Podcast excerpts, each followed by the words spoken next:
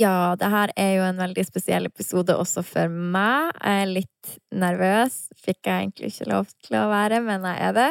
Ehm, det er en episode veldig mange lyttere har ønska seg, og det er en episode med meg og kjæresten min Kasper.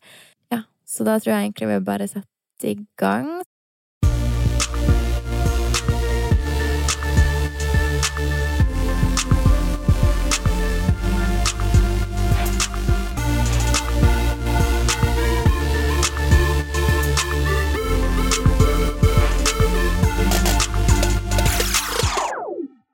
Jeg vil vedde på at du som hører på dette, hører det på mobil. Jeg tror ikke det. Jeg er ganske sikker. Jeg tror ikke det er så mange som hører på podkast fra. PC-en. Um, men i alle fall, hva bruker du mobilen mest til, Fetisha? Å, herregud. Oppskrifter, Spotify, eh, Pinterest, YouTube. Jævlig mye YouTube. Mm. Sykt mye YouTube. Uh, og en occasional gang Netflix i senga. Ja, jeg har nok ganske mange av de samme vanene som deg, bare at Mm. jeg har mail inni der også, som en ganske stor del av min mobilbruk. Men vi er jo ikke unike. Nei. Og før så pleide jeg å få ikke bare meldinger hele tida om at nå måtte jeg kjøpe ny datapakke, men også utrolig høye regninger. Jeg også. Ja. Vanvittig høye regninger. Ikke like høye som deg, men på en god måned så lå regningen min på en 1600 kroner. Ikke sant? Og nå har iallfall vi begge bytta til Ice. Yes. Og min forrige regning, den var på 300 kroner ish. Ja, min også. Oh, ja. Ja, det er virkelig en enormt stor forskjell, men det er jo ikke Mhm. det som er det beste. Det er jo det at Ice har en tjeneste som heter Datafrihet. Yes. Og da er det 1000 gig inkludert i abonnementet. Og hvis du noen gang har prøvd å bruke 1000 gig, det går ikke.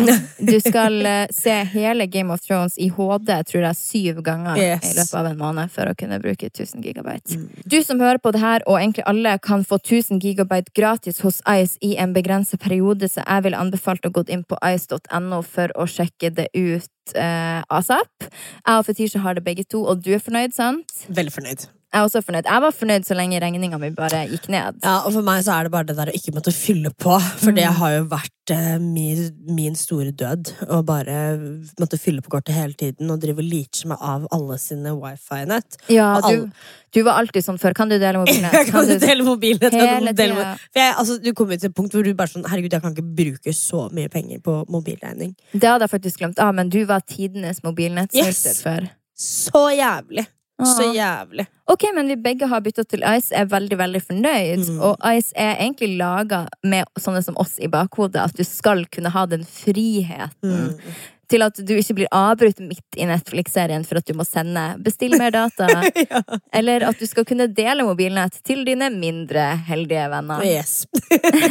Som meg. Yes, Ikke lenger enn nå. Ikke lenger nå. Nå Så- er det jeg som deler nett. Nå er det du som deler nett. Så ha det i bakhodet. Ice og datafrihet, og sjekk mer ut på Ice sine nettsider. Ja! Hallo? Er du spent eller nervøs på å være her i dag? Ja, jeg er ganske spent og nervøs, faktisk. Har du hørt på podkasten før? Jeg har hørt Jeg hørte de første episodene. Gjorde Jeg hørte de første episodene.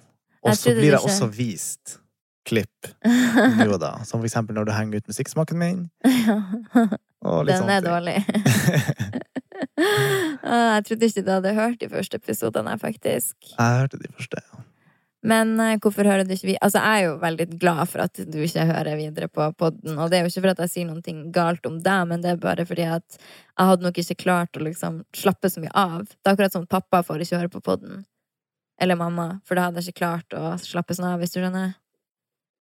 Jeg skjønner hva du mener. Jeg føler kanskje at vi snakker veldig mye om ting som skjer. Vi snakker om hva du snakker om i podden, og Mm.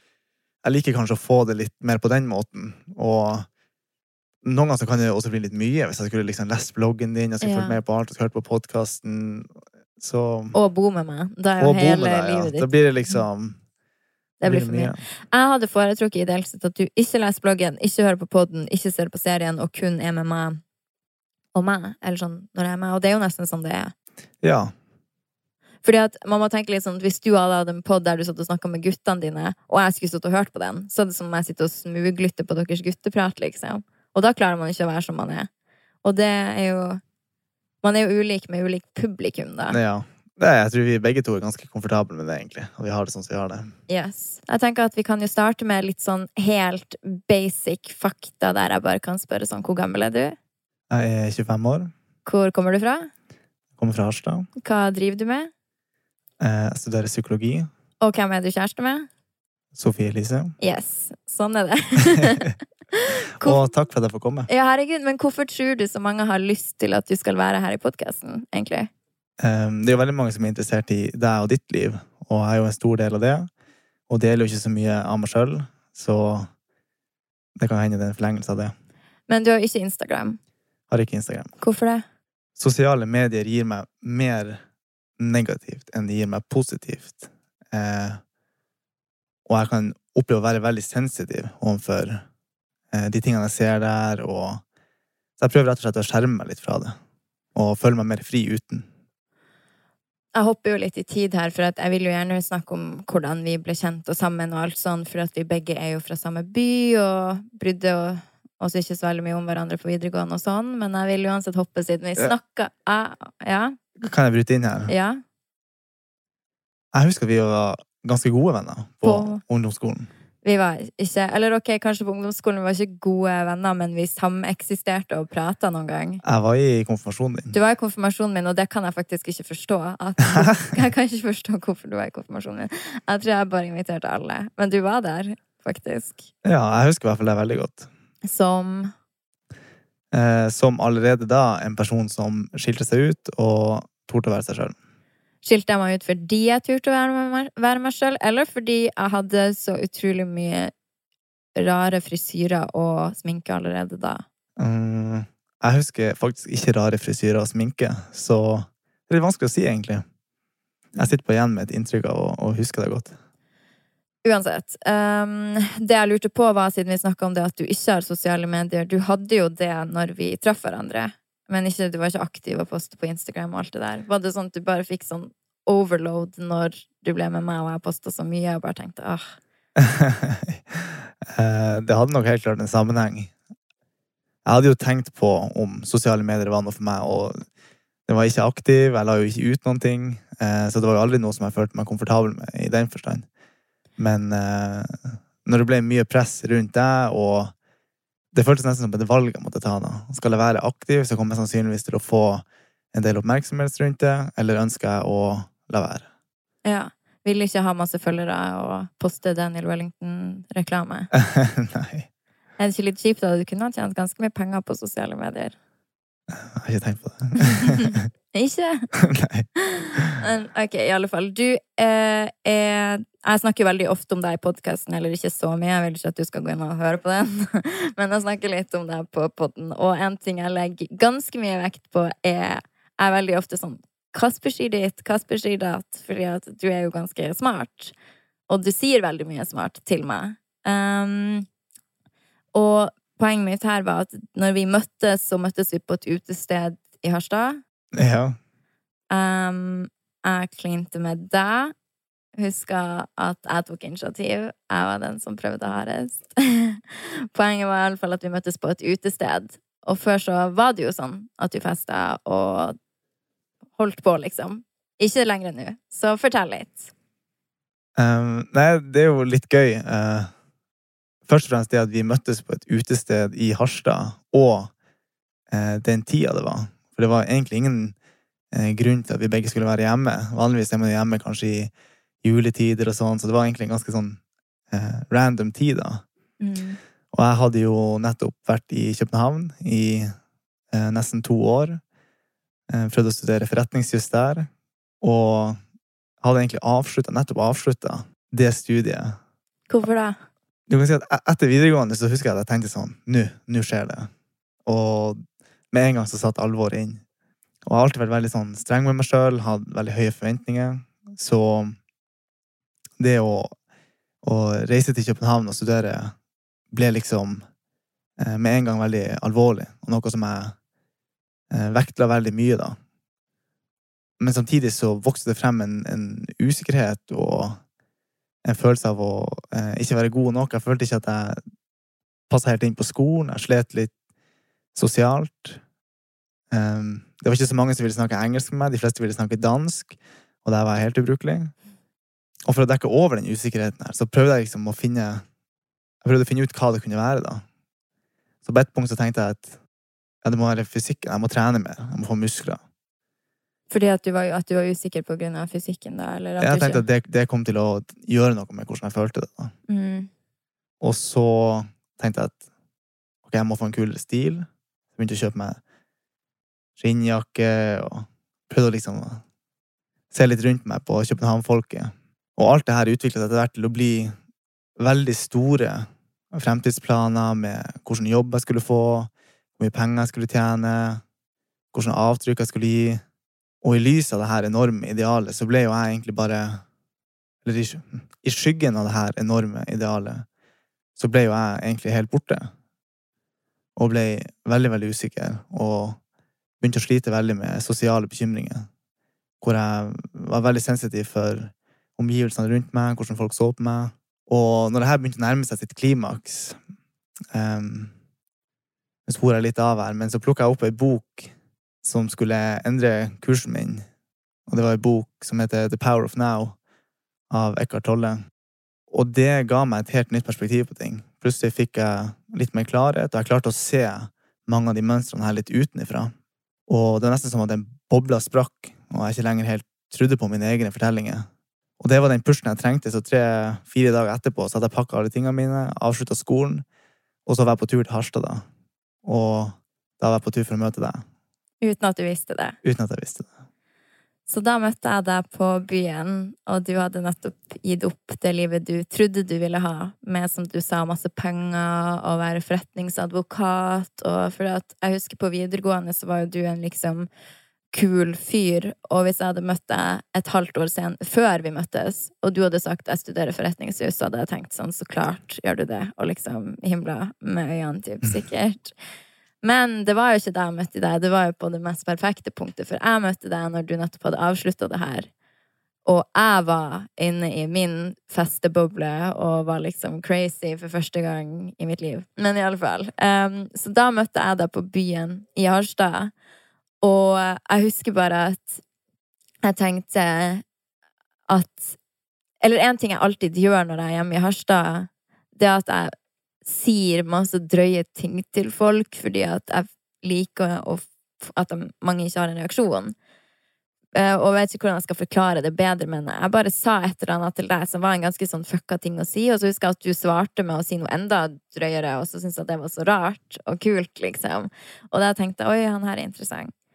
Og så eh, kyssa jeg deg, men ingenting skjedde, og så kom jeg på besøk til deg dagen etter, og da ga du meg nettopp den boka som du sa hadde Mm. forandra ditt liv, og det var Eckhart Tolle og Power of Now. Ja, det stemmer. Som jeg ironisk nok mista på byen sånn en måned etterpå. Jeg vet ikke hvorfor jeg hadde den med meg på byen.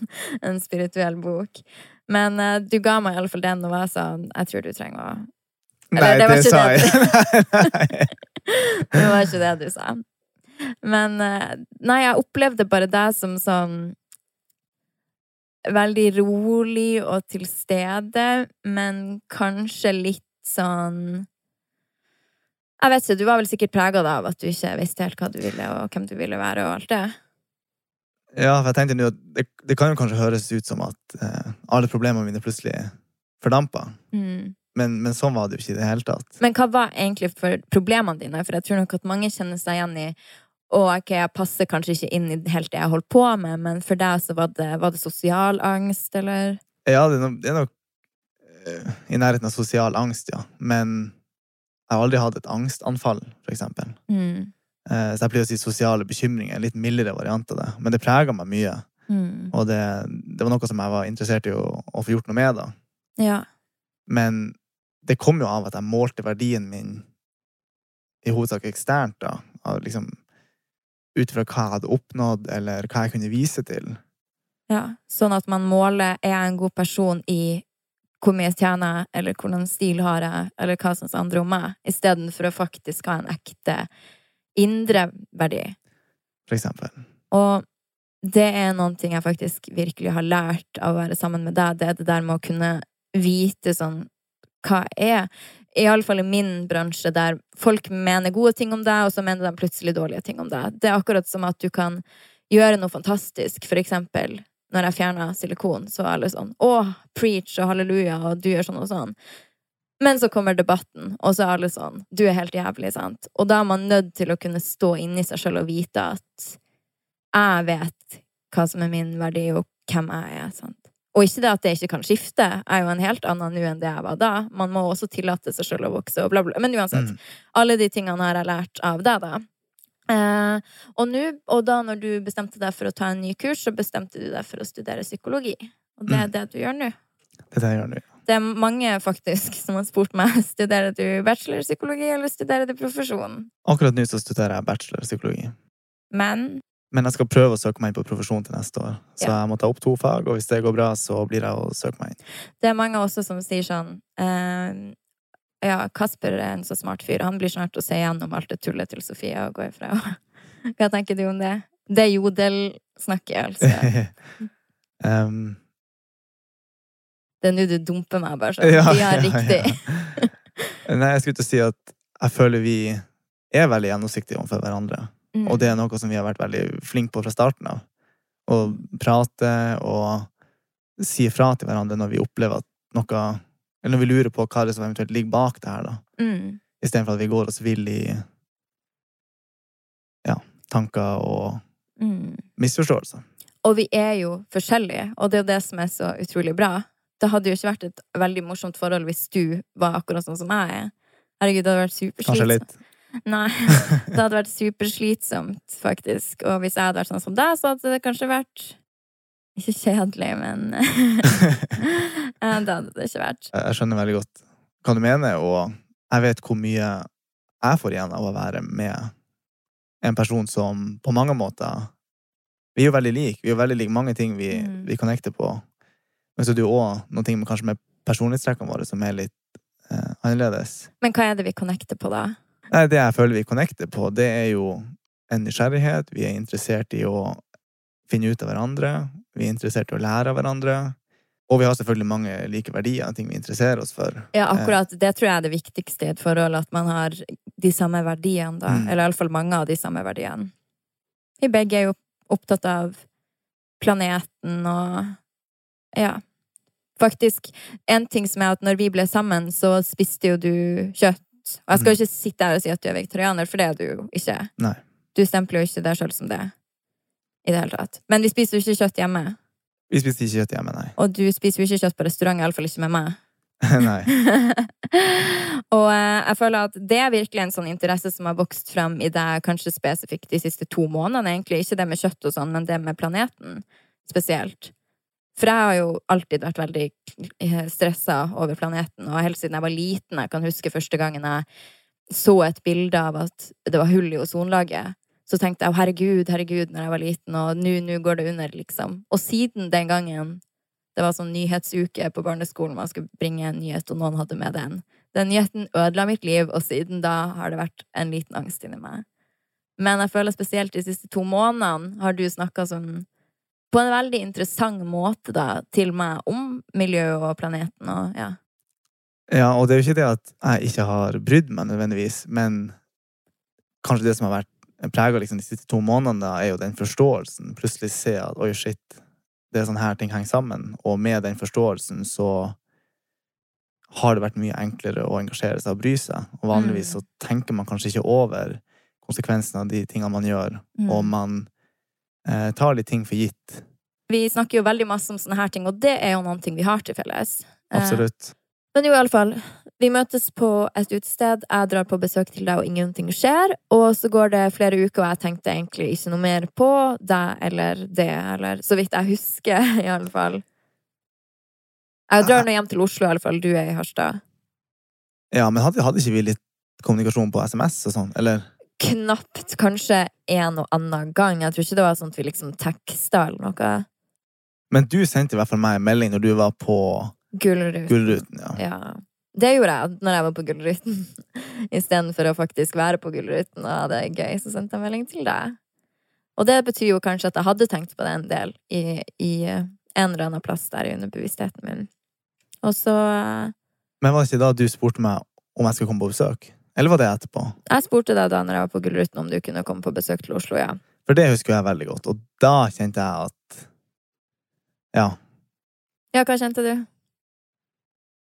At det her begynte å bli alvor. Hvordan da begynte det å bli alvor? Vi hadde bare snakka på melding om de skulle komme på besøk. Jeg opplevde det som et stort steg å skulle liksom fly til Oslo, være der, bo hos deg. Og spesielt med tanke på de tingene som skjedde i København, og den sosiale biten. Og det var sånne tanker som at å, jeg kan ikke gjøre det her. Mm, Hva kommer folk til å si? Hvis det skulle utvikle seg til å bli noe mer. mm, Og det var ikke sånn at jeg hadde så Jeg visste jo egentlig ikke så mye om det, annet enn et og annet innlegg som jeg så på Facebook og sånne ting. Men jeg hadde en følelse av at det var en del eh, negativ oppmerksomhet retta mot det. mm, Og det var jeg ikke sikker på om jeg, om jeg ville ha, mm, eller om jeg klarte det i det hele tatt. Men så var jeg selvfølgelig også veldig nysgjerrig, og jeg likte det veldig godt etter det lille eh, som vi hadde sett hverandre. Så, så for meg så ble det i hvert fall ganske fort klart at jeg var nødt til, nødt til å sjekke det ut. Og det gjorde du. Du kom Eller en ting som også står ut, og det her er det fine Det fineste ved vårt forhold, tror jeg, er den grunnmuren vi har bygd opp helt fra det øyeblikket. Fordi at da sa jeg jeg håper at du faktisk kommer i morgen, når, siden du har sagt at du skal komme. Og så sa du ja, selvfølgelig kommer jeg, og jeg håper ikke at du er sånn. At du er sånn at du bare kan si 'jeg bare kommer', og så gjør du det ikke, og spiller sånn spill. Så du er veldig tydelig på det fra start, at hvis jeg sier at jeg kommer, så kommer jeg, liksom. Og det gjorde du. Og det skapte en måte å starte et forhold på som jeg ikke hadde opplevd før, i alle fall. Og det gjorde at um, jeg bare var helt fra start veldig ærlig med deg også, og vi har aldri hatt den der han spiller spill-opplegget. Faktisk. Aldri, faktisk. Kanskje jeg har noen gang vært sur for å få en reaksjon, men det er så langt det kommer. men da sier jeg jo det etterpå. At, Ja, nei, men jeg er veldig enig med deg. Mm. Og så husker jeg veldig godt at jeg satt i senga mi hjemme, og så hadde jeg to venninner på besøk, så var jeg sånn herregud, Kasper kommer hit i morgen, han skal være her i fem dager. Det er veldig rart, liksom, for jeg kjenner han egentlig ikke noe.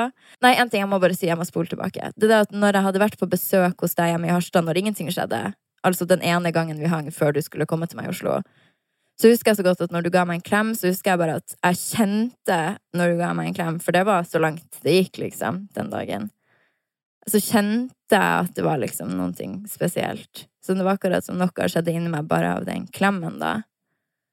Og så tenkte jeg så Jeg kommer alltid til å huske det øyeblikket. Jeg kommer alltid til å huske også når jeg åpna døra, og du eh, sto der. Veldig rart, for jeg husker jeg åpna døra til leilighetsbygget mitt når du kom for å besøke meg i Oslo. Jeg liksom bare åpna den sånn veldig hardt.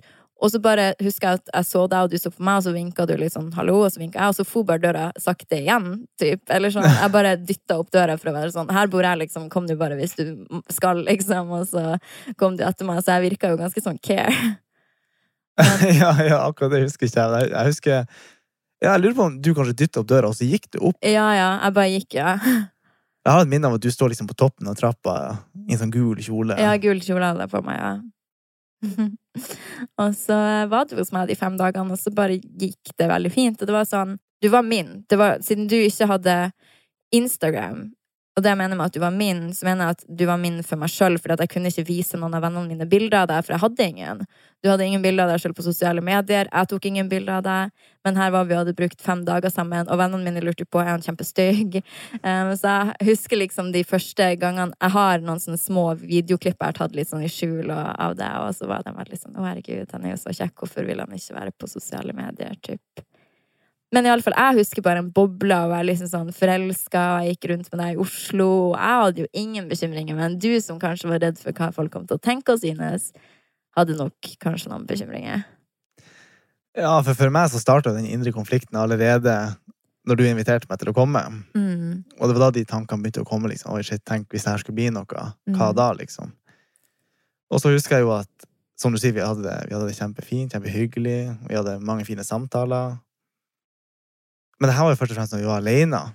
Og det var jo når jeg klarte å slappe av og være meg sjøl. Mm. Men når vi var ute i offentligheten, da begynte jo bekymringen å komme igjen. Og jeg husker at jeg var veldig redd for hva andre skulle synes, og hva andre tenkte om oss. Og jeg husker spesielt godt Her er vi en gang vi er ute, og det er masse folk rundt oss, og vi er i nærheten av en restaurant, en uterestaurant. Og det her tror jeg er første gang vi kysser offentlig. Mm. Og så tenkte jeg å shit, tenk hvis han tok bilde av oss. Mhm. Tenk hvis det her kommer i avisen, liksom. Hva gjør jeg nå? Så det var liksom det, det inntrykket jeg hadde av det hele, da. Det har ikke vist seg å ha vært sånn i det hele tatt, men det viser jo litt til de, de tankene og bekymringene og den irrasjonaliteten rundt det. da. Jeg husker veldig godt at jeg var redd for at noen skulle finne ut at vi hadde en greie fordi at jeg var så redd for hvordan du ville håndtere det. Vi var jo i Paris på ferie, og jeg la ikke ut Det var kanskje en, to måneder etter vi hadde begynt å holde på. Og jeg la ikke ut noen bilder av det, ingenting. Prøvde liksom å skjerme veldig det der mitt sosiale medier-liv fra deg, da. Ba deg ikke om å ta noen bilder av meg. Ville liksom ikke være til bry. Savner du de dagene nå som jeg kjefter på deg og ber deg ta bilde? Men eh, jo, og så husker jeg veldig godt at det finnes en blogg, jeg vet ikke om den finnes fortsatt, jeg har ikke vært på den på lenge, men blogg om toppbloggere eller noe sånt, som gossipblogg. En veldig dårlig gossipblogg, om jeg må si, for jeg følger svenske gossipblogger, de er hundre ganger bedre, side note. Men i alle fall, de hadde skrevet at du var kjæresten min. Og det var før jeg hadde gått ut med det, og før du hadde gått ut med det. Så hadde de lagt ut et bilde av deg fra at du var sånn 14 eller noe sånt. Ja, ja, ja, ja, stemmer. Ja, for jeg tenkte på, for det kom et innlegg før det òg. Og ja? Og, og det var jo liksom spekulasjon, da. Ok, Hvem er dette? ja. Men så kom det faktisk innlegget, og da husker jeg at jeg var skikkelig redd for å sende Jeg visste ikke om du visste om det, jeg var redd for å sende deg det innlegget, for jeg visste ikke hvordan du skulle reagere, og jeg tenkte at nå er det vel kanskje slutten på vårt forhold, for at du vil ikke være en del av at andre vet at du dater meg. Og det er så vanskelig å ikke bli selvbevisst i en sånn situasjon, fordi at Tenk å være da som ingen Som folk er redd for å være sammen med, for man vet ikke om man gidder det der opplegget der, liksom. Det jo, kan jo være utrolig, utrolig ensomt. Men jeg var så vant til det at jeg tenkte at ja, nå som det er på blogg om toppbloggere, så vil han sikkert ikke være sammen med meg lenger. Jeg fikk ikke de tankene mot deg nødvendigvis, at jeg ikke, at jeg ikke ville fortsette med deg. Men jeg husker jeg opplevde det som nesten som et slags angrep. Hvor de få tingene jeg hadde på internett, ble liksom leita fram der. Er typisk at det bare var sånn bilder fra at du var sånn Ok, jeg liker å si 14, men du var vel sikkert 20, da, men uansett. Nei, nei, det var faktisk fra Det Kan godt være 14, altså. Ja. Men ja, hvordan opplevdes det for deg, da? Var det liksom skummelt eller ubehagelig, eller? Ja, det var, det var skummelt, men det, det som spesielt gjorde det skummelt, var jo alle bekymringer som jeg hadde rundt det, som var knytta opp mot det. da. Mm. Og den her um, felles bevisstheten som jeg gjorde av alle andre, da. Som Mm. liksom hadde de samme meningene og de samme intensjonene om å dømme og Mm. Men husker du hvordan det var når jeg faktisk la ut bilde av deg, da? For det var vel kanskje Jeg venta vel en måned etterpå det igjen, og så var vi i Spania med familien din. Og så tok mammaen din et bilde av oss, som jeg da la ut, liksom. Og det var første gang jeg la ut bilde av deg. Da ble det jo avisoppslag og Mm. litt oppmerksomhet rundt det. Og da husker jeg jeg fikk masse meldinger fra venner og bekjente og familie. Men, Men, men, men da hadde jeg jo Men på det punktet så hadde jeg jo Da hadde jeg på en måte hoppa i det. Og det var jo ei Altså, alle de her bekymringene, den indre konflikten, det var jo spesielt i starten, hvor jeg måtte bestemme meg for var det her noe jeg ønska å gjøre, eller ikke. Og selv om jeg pusha grenser, og vi gjorde mer og mer, og fikk nærmere og nærmere kontakt, så følte jeg fortsatt at jeg hadde en, en fot innafor døra, da. den andre løyeren, liksom? Altså privatlivets fred? For det var jo det her For meg det er veldig tydelig skille på den emosjonelle biten når vi var sammen. Alt jeg følte, og hvor bra vi hadde det, og Ja, som sagt, de gode samtalene, og det at vi hadde det så gøy sammen. Og så var det jo når jeg vi hadde jo et avstandsforhold òg. Mm. Og så reiste jeg tilbake, og så begynte de her tankene å sette inn, og bekymringen. Mm. Og så ble det en sånn splid, da. Hvem skal jeg lytte til, på en måte? Lytte til følelsene eller fornuften, liksom? Ja, eller følelsene det- eller angsten, blir vel det riktig Ja, for det, det er jo ikke fornuften, egentlig. Men det er jo Og når det her da kom til et slags klimaks, eh, hvor det her også bare bobla opp, og hvor det ble veldig tydelig for meg hvor, hvor mange problemer jeg lagde for meg sjøl, da. Og jeg husker jo veldig godt en gang vi var hjemme hos deg, I Oslo. ja, og så lå vi i senga og prata, og du kunne liksom se på meg at noe var galt. Mm. Og så spurte du meg hva er det for noe? Og så begynte jeg liksom å forklare litt, og fortalte litt om de her bekymringene. Bekymringen for å være sammen med meg, da, siden jeg er Mm, offentlig. mm. Og før jeg var ferdig å prate, så spretter du opp, så slår du meg i ansiktet, og så sier du Skal du virkelig la andre få bestemme hvordan du skal leve livet ditt? Folk du ikke engang kjenner. Skjerp deg. Mm. Og det gjorde veldig inntrykk på meg. Mm. Kanskje ikke helt bra at jeg slo deg, men Nei, Det det som skulle til. ja, jeg måtte jo slå deg ut av den der greia du hadde på gangen i hodet ditt, liksom. Men det er jo ikke alltid enkelt å være sammen med en offentlig person. Er det noen ganger det har vært ekstra vanskelig? Det er flere ting som har vært vanskelig. En av de tingene er blant annet negative kommentarer. Med negative kommentarer om liksom meg, som jeg blir trist av, eller om oss, eller om deg. Det er også litt forskjellig, for én ting er jo å lese negative kommentarer om andre. Det har man jo en viss avstand til. Men det å lese negative kommentarer om deg, det blir Mhm. nesten som å lese negative kommentarer om meg. Det føles veldig Det føles ut som et angrep på meg òg. Mm.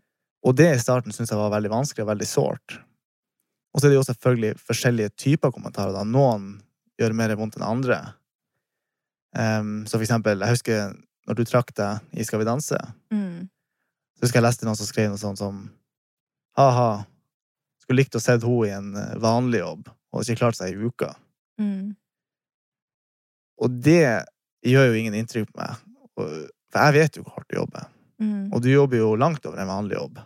Eller hvis noen kaller deg dum, for eksempel. Mm. Du viser meg jo hele tida at du ikke er det. Og jeg vet- jo veldig godt og er veldig trygg på at du ikke er dum. Mm. Så sånne ting er ikke vanskelig. Det, det, som, det som har vært vanskelig, som også knyttes opp mot de her sosiale bekymringene og det, eh, det er jo det her med sosiale normer, for eksempel. Du har jo vært komfortabel med å trosse sosiale normer egentlig ganske lenge.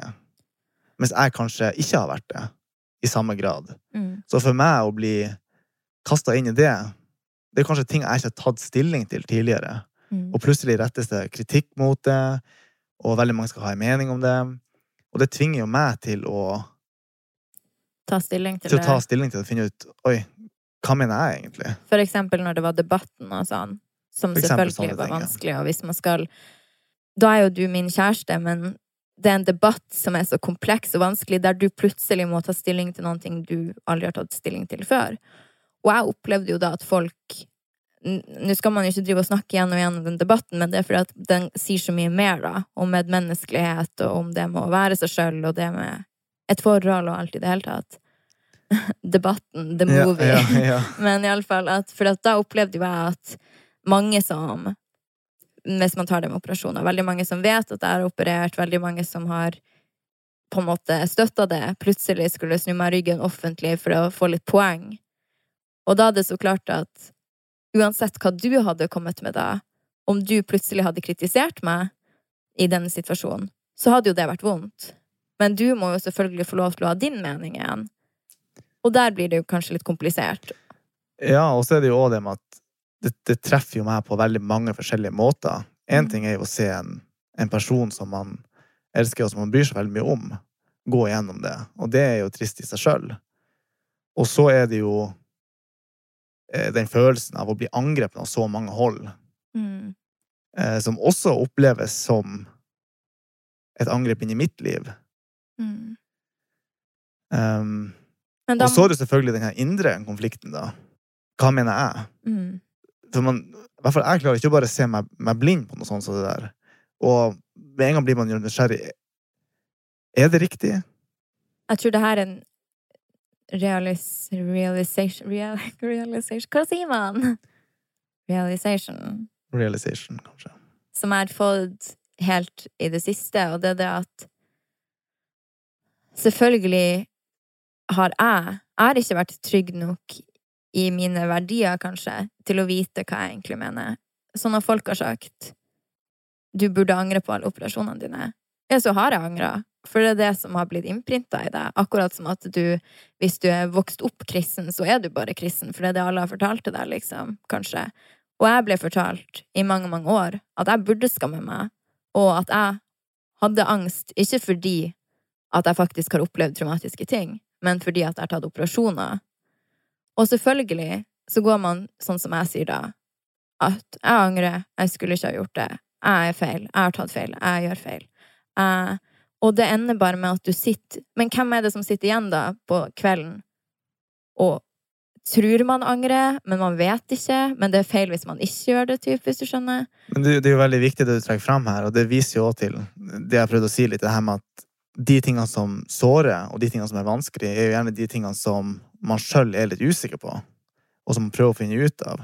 Og det er ikke meninga at man skal vite alle sånne her ting. Mm. Eh, og det er klart, når man har, har da veldig mange som skal mene noe om det, hvis man da, som du sier, ikke er trygg i seg sjøl Mm. og sine egne verdier, så, så kan det være veldig vanskelig. Det er liksom en ting som du har lært meg, og det er jo det der med at det for det første er greit å forandre seg og lære nye ting. Og det er greit å være kompleks. Men man kan ikke akkurat stå, det er det som er så vanskelig, man kan ikke i en debatt stå og si «Hm, Nei, jeg har ikke helt ment noe om det her. Jeg må liksom suge litt mer på den karamellen, og så snakkes vi om fem år når jeg er ferdig utvikla, liksom. Det er jo ikke sånn det funker. Man må jo være veldig sånn Det her mener jeg. Det Mm. her er sannheten. Og verden funker jo ikke sånn.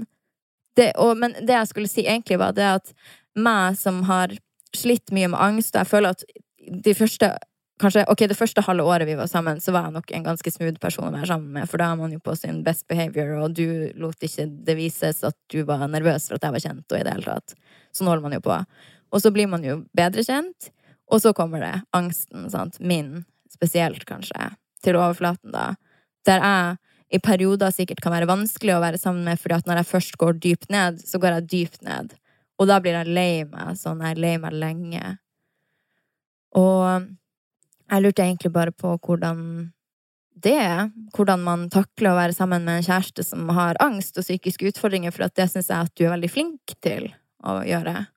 Og jeg vet at det er mange lyttere som kanskje enten har angst, eller som har en kjæreste som har det, som gjerne vil vite og Ja, jeg tror en ting som, som har fungert for oss, er jo det med å prøve å forstå først og fremst litt hvor du kommer fra. En, en ting som kan være, er jo at det kan være vanskelig Eller jeg opplever det som at du syns det kan være vanskelig å, å prate om ting noen gang. Og det som virkelig plager deg. Og det kan jo komme til uttrykk i form av at eh, du enten skyver meg unna, eller, eller andre ting som hvis jeg hadde tolka det veldig direkte, kunne, kunne tatt som en negativ ting. da. Altså det, det å prøve å Og istedenfor å, å ta det så bokstavelig i det, prøve å se litt sånn Hvor kommer du fra, og hvordan, hvordan føles det å være deg akkurat nå?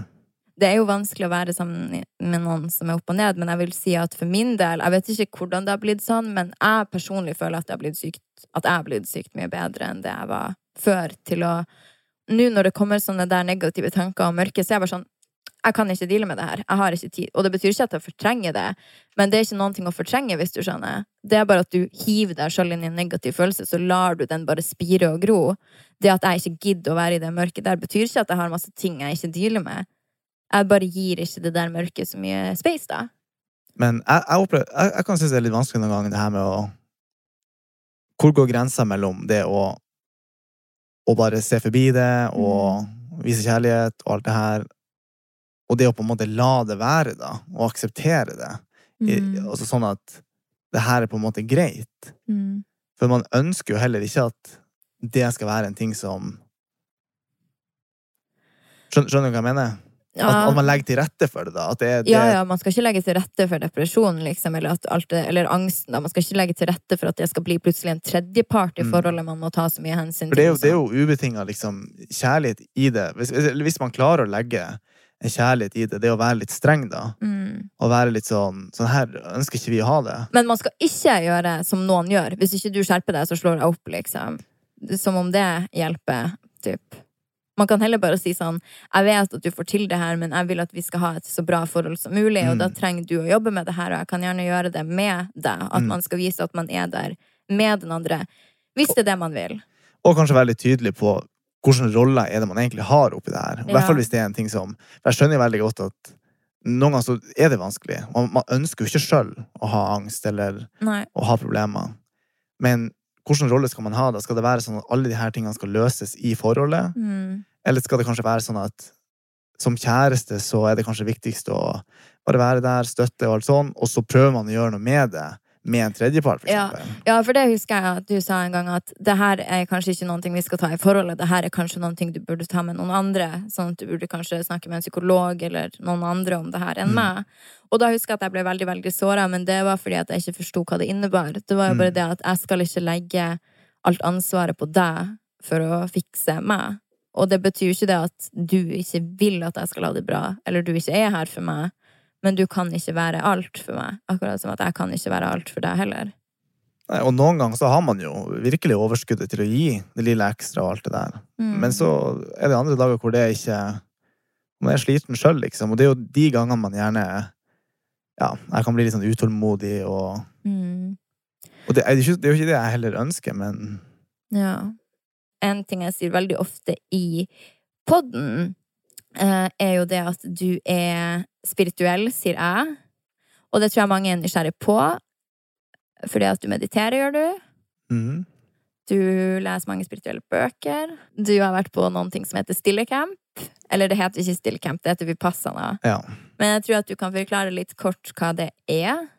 Eh, Vipassana er navnet på tradi tradisjonen. På den spesifikke formen for meditasjon. Em, og grunnen til at det kalles en stillecamp, er fordi at den utføres i stillhet. Så det er ti dager uten noen form for kommunikasjon, så det er ingen øyekontakt, det er ingen musikk, ingen lesing, ingen skriving. Så det skal ikke være noen eksterne input, altså. Det kan selvfølgelig skje at det er mange som er sånn Ingen øyekontakt, hvordan går det an? Det kan jo selvfølgelig skje når man står i matkø, at man, man ser på noen. Og man bor jo gjerne på rom sammen med noen. Mm. Eh, så, så det hender jo. Så det er ikke sånn at det er sånn super Det er retningslinje, rett og slett. Men du dro altså, du har gjort det to ganger, har du dratt på en såkalt Vipassana Camp, der du har dratt, satt deg på en buss og dratt på en camp der dere mediterer hvor mange timer per dag? Eh, det er vel lagt opp til ti til tolv timer om dagen. Ti til tolv timer om dagen der man sitter og puster, og ti dager uten å snakke med noen. ja. Og det er det mange som syns er helt vilt, men nå har jo jeg sagt at jeg skal være med på det. Ja, og det er jeg litt spent på hva du tenker om. Um, jeg tenker ikke så mye, for nå har jeg jo faktisk bestemt meg for at jeg skal gjøre det. Jeg tror at det jeg ser minst fram til, er å sitte så mye opp og ned at jeg er redd jeg skal få vondt liksom, i rumpa siden den er operert, og er redd for at jeg skal eh, få vondt i ryggen siden den er operert Nei den er Men eh, jeg er redd for at det skal være fysisk vondt. For sånn som jeg forstår det på deg, så er det jo fysisk jævlig å sitte rett opp og ned i så mange timer. Ja, altså Man er jo ikke vant til å sitte på den måten i det hele tatt. Og Nei. man sitter jo på gulvet. Mm. Så, og det, er jo- det, det er jo også litt sånn gøy. Den første dagen så prøver man seg, man får, man får ei pute og en plass. Mm. Og så kan man ta med seg ekstra puter eller pledd. Og i løpet av de her ti dagene da, så bygger jo folk seg bare større og større slott, hvor man sitter med pute på ryggen og under hoften, under knærne og overalt, liksom. Fordi at Mm. smerten, den er tilstedeværende. det jeg liksom gleder meg mest til, er jo å gå de rundene med meg sjøl som jeg vet at jeg trenger å gå, kanskje. Der man skjønner litt sånn hvem er jeg, og Nei da, jeg vet ikke. Det er ikke det jeg tenker. det. Nå bare sa jeg noen ting. Helt ærlig, det jeg tenker, er at jeg kommer til å få en tydelig visjon av hvem jeg har lyst til å være. For jeg og du snakker jo veldig mye om det at ok, når du er ferdig med skolen, så kanskje vi skal dra og leve et mer minimalistisk liv. Jeg tror at vi begge føler et behov for å kunne ikke være så avhengig av det der med ting, og at vi ikke skal føle at vi må dra og reise og holde på. At vi vil leve mer simpelt, da. Med få ting. Så jeg tror at å være på Stillecamp kommer til å gi meg litt sånn retning av hvordan skal jeg gjøre dette. For på en eller annen måte så er jeg jo fortsatt stuck der. Jeg har lyst til å tjene så mye som mulig. Jeg har lyst til å være fab, sant. Jeg har lyst på de klærne, jeg har lyst på den reisa, og jeg vil fly hit og dit. Men så er det en del av meg som tenker at det er feil. Mm. Og derfor føler jeg at Stillecampen skal være for meg en retnings... En veileder som skal fortelle meg hva er det som er riktig for deg. Er det penger? Og det tror jeg alle vet at det ikke er. Ok, for sånn som jeg ser på det, så er det litt med her, den gamle fortellinga, hvis man kan kalle det det. Mm. Med liksom penger og status og opp og frem. Ikke er holdbar sånn som den er akkurat nå. Mm. Og så vet vi jo egentlig ikke hva er det som eventuelt skal erstatte den. Mm. Eh, og det er ikke sånn at man ønsker å leve et dårligere liv nødvendigvis. Nei. Men så ser man jo bølgene av angst og depresjon, alle de her ting. Og da er det sånn, lever vi egentlig vårt beste liv? Og Stillecamp er jo en mulighet for å lytte litt til seg sjøl, da. Mm. Og som du sier, få litt svar på hvordan er det jeg egentlig ønsker å leve. Det er det som for meg tror jeg innebærer å leve mitt beste liv, og det å virkelig gjøre noe med det. Nå kommer sikkert mange til å være sånn, men hvorfor jobber du med det du gjør da? Og det er jo nettopp det. Jeg er i prosess. Jeg må jo klare å akseptere Vil jeg slutte med alt det jeg gjør fordi at jeg vil leve et enklere liv? Eller er jeg ikke helt klar for det ennå? Ja, og det her er jo også noe som jeg føler er ganske viktig å si litt om, da. For det kan jo fort høres ut som man nå bare liksom foreskriver en slags ny måte å leve på, Mm. og at nå er det dette som er det riktige. Og sånn er det jo egentlig ikke i det hele tatt. Og eksempel det med å bruke tid på meditasjon, eller det med å ønske å Hvis man ønsker å ha, leve litt simplere, da, eksempel, eller man eh, ønsker å spise på en annen måte, man ønsker å kutte ut kjøtt, eksempel. Det her er jo ting som, som først og fremst må, det må jo føles riktig, og det må jo komme som en naturlig del av at man engasjerer seg mer, og man bryr seg, og man forstår litt mer av konsekvensen. Jeg har ikke tro på at man kan bare presse på noen en måte å være på, Nei. og heller ikke på seg sjøl, på en måte. Så det er litt viktig, å, og, og derfor også i forhold til den prosessen som du er i, da. Du må jo finne litt ut av hvordan skal du gjøre det videre, og Mm. ja, har du noen tanker rundt det, egentlig? Nei, det er nettopp derfor jeg må på stillecamp. Og jeg sier ikke at jeg skal slutte med det jeg holder på med, for jeg liker godt å kommunisere med et stort publikum. Da. Jeg liker veldig godt å skrive, og jeg liker veldig godt å kunne formidle det der med å leve et autentisk liv, for at jeg føler oppriktig at det er det jeg gjør. Jeg tar valg som er vanskelig å stå i, og da mener jeg ikke vanskelig å stå i som at jeg gjør noe så veldig bra for verden, men jeg viser at det finnes rom for folk som er litt forskjellige, da. Mm. Og det er jeg jo stolt av. Og jeg er stolt av at selv om jeg ikke lever et 100% bærekraftig liv, at jeg i det minste noen ganger snakker om dyrevelferd, og jeg snakker om miljø, og jeg åpner opp for måter å tenke på, så kan folk si 'men du gjør ditt, og du gjør datt'. Men skal det her være en fuckings konkurranse, så kan man jo se hva slags impact det har hatt på jorda alle er påvirka til å eksempel ikke spise kjøtt. Skal det være en konkurranse, så jeg lover jeg kommer ganske godt ut der, uansett hvor mye jeg reiser eller overforbruk. Men sånn er det nå ikke. Det er ikke en konkurranse. Jeg snakker om det her fordi at jeg har lyst til å snakke om det her. Jeg vil heller sitte i Spania, der vi har flydd til, og snakke om hvor viktig det er å stemme på valget, enn å bare tenke mm, 'jeg er i Spania, så jeg gjør feil, så jeg orker ikke å informere folk', Mm. typ. Men så, mange så det er litt vanskelig å vite hvor skal man gå, hva er det neste? Mm, Hvordan er det, hva er det som er riktig? mm. Og det, det er veldig vanskelig, spesielt i dag når det er så mye forskjellig informasjon. Så jeg skjønner godt at folk er forvirra, og at det er vanskelig å ta konkrete valg rundt akkurat det her. Det er supervanskelig, men jeg kan jo spørre deg om noe som er veldig mye enklere. Hva er det beste med meg? Hvis man skal begynne å avslutte litt, så kan vi ta noen sånn fun and simple facts. en ting som i hvert fall som jeg liker, og det er jo litt Du hører jo det her ganske ofte, men Du har fin rumpe. Nei, men det med, det med at du tør å være deg sjøl, og det motet som du må ha for å stå i alle de kampene som du har gjort, og, og det her er jo også et ikke, ikke sånn sett utenifra, men hvordan jeg ser det, hvordan jeg opplever det, det du gjør da, på den måten, den krafta, og den sårbarheten som er i det. Og det har virkelig gitt meg et nytt perspektiv, og sett litt på alle de fordommene som er der ute, og hvor slem man kan være mot hverandre. Mm. Og det har gitt meg en mye større empati for folk som kanskje føler seg litt annerledes og ikke passer helt inn. Eh, Så det er noe med det som jeg liker veldig, veldig godt. Det jeg liker best med deg, er utseendet ditt. og at eh, du Eller utseendet, ja, for det syns jeg du er helt fantastisk fin. Men det jeg liker best med deg, er jo at du er utrolig modig, da. Og du endra hele livet ditt fordi at det ikke føltes riktig.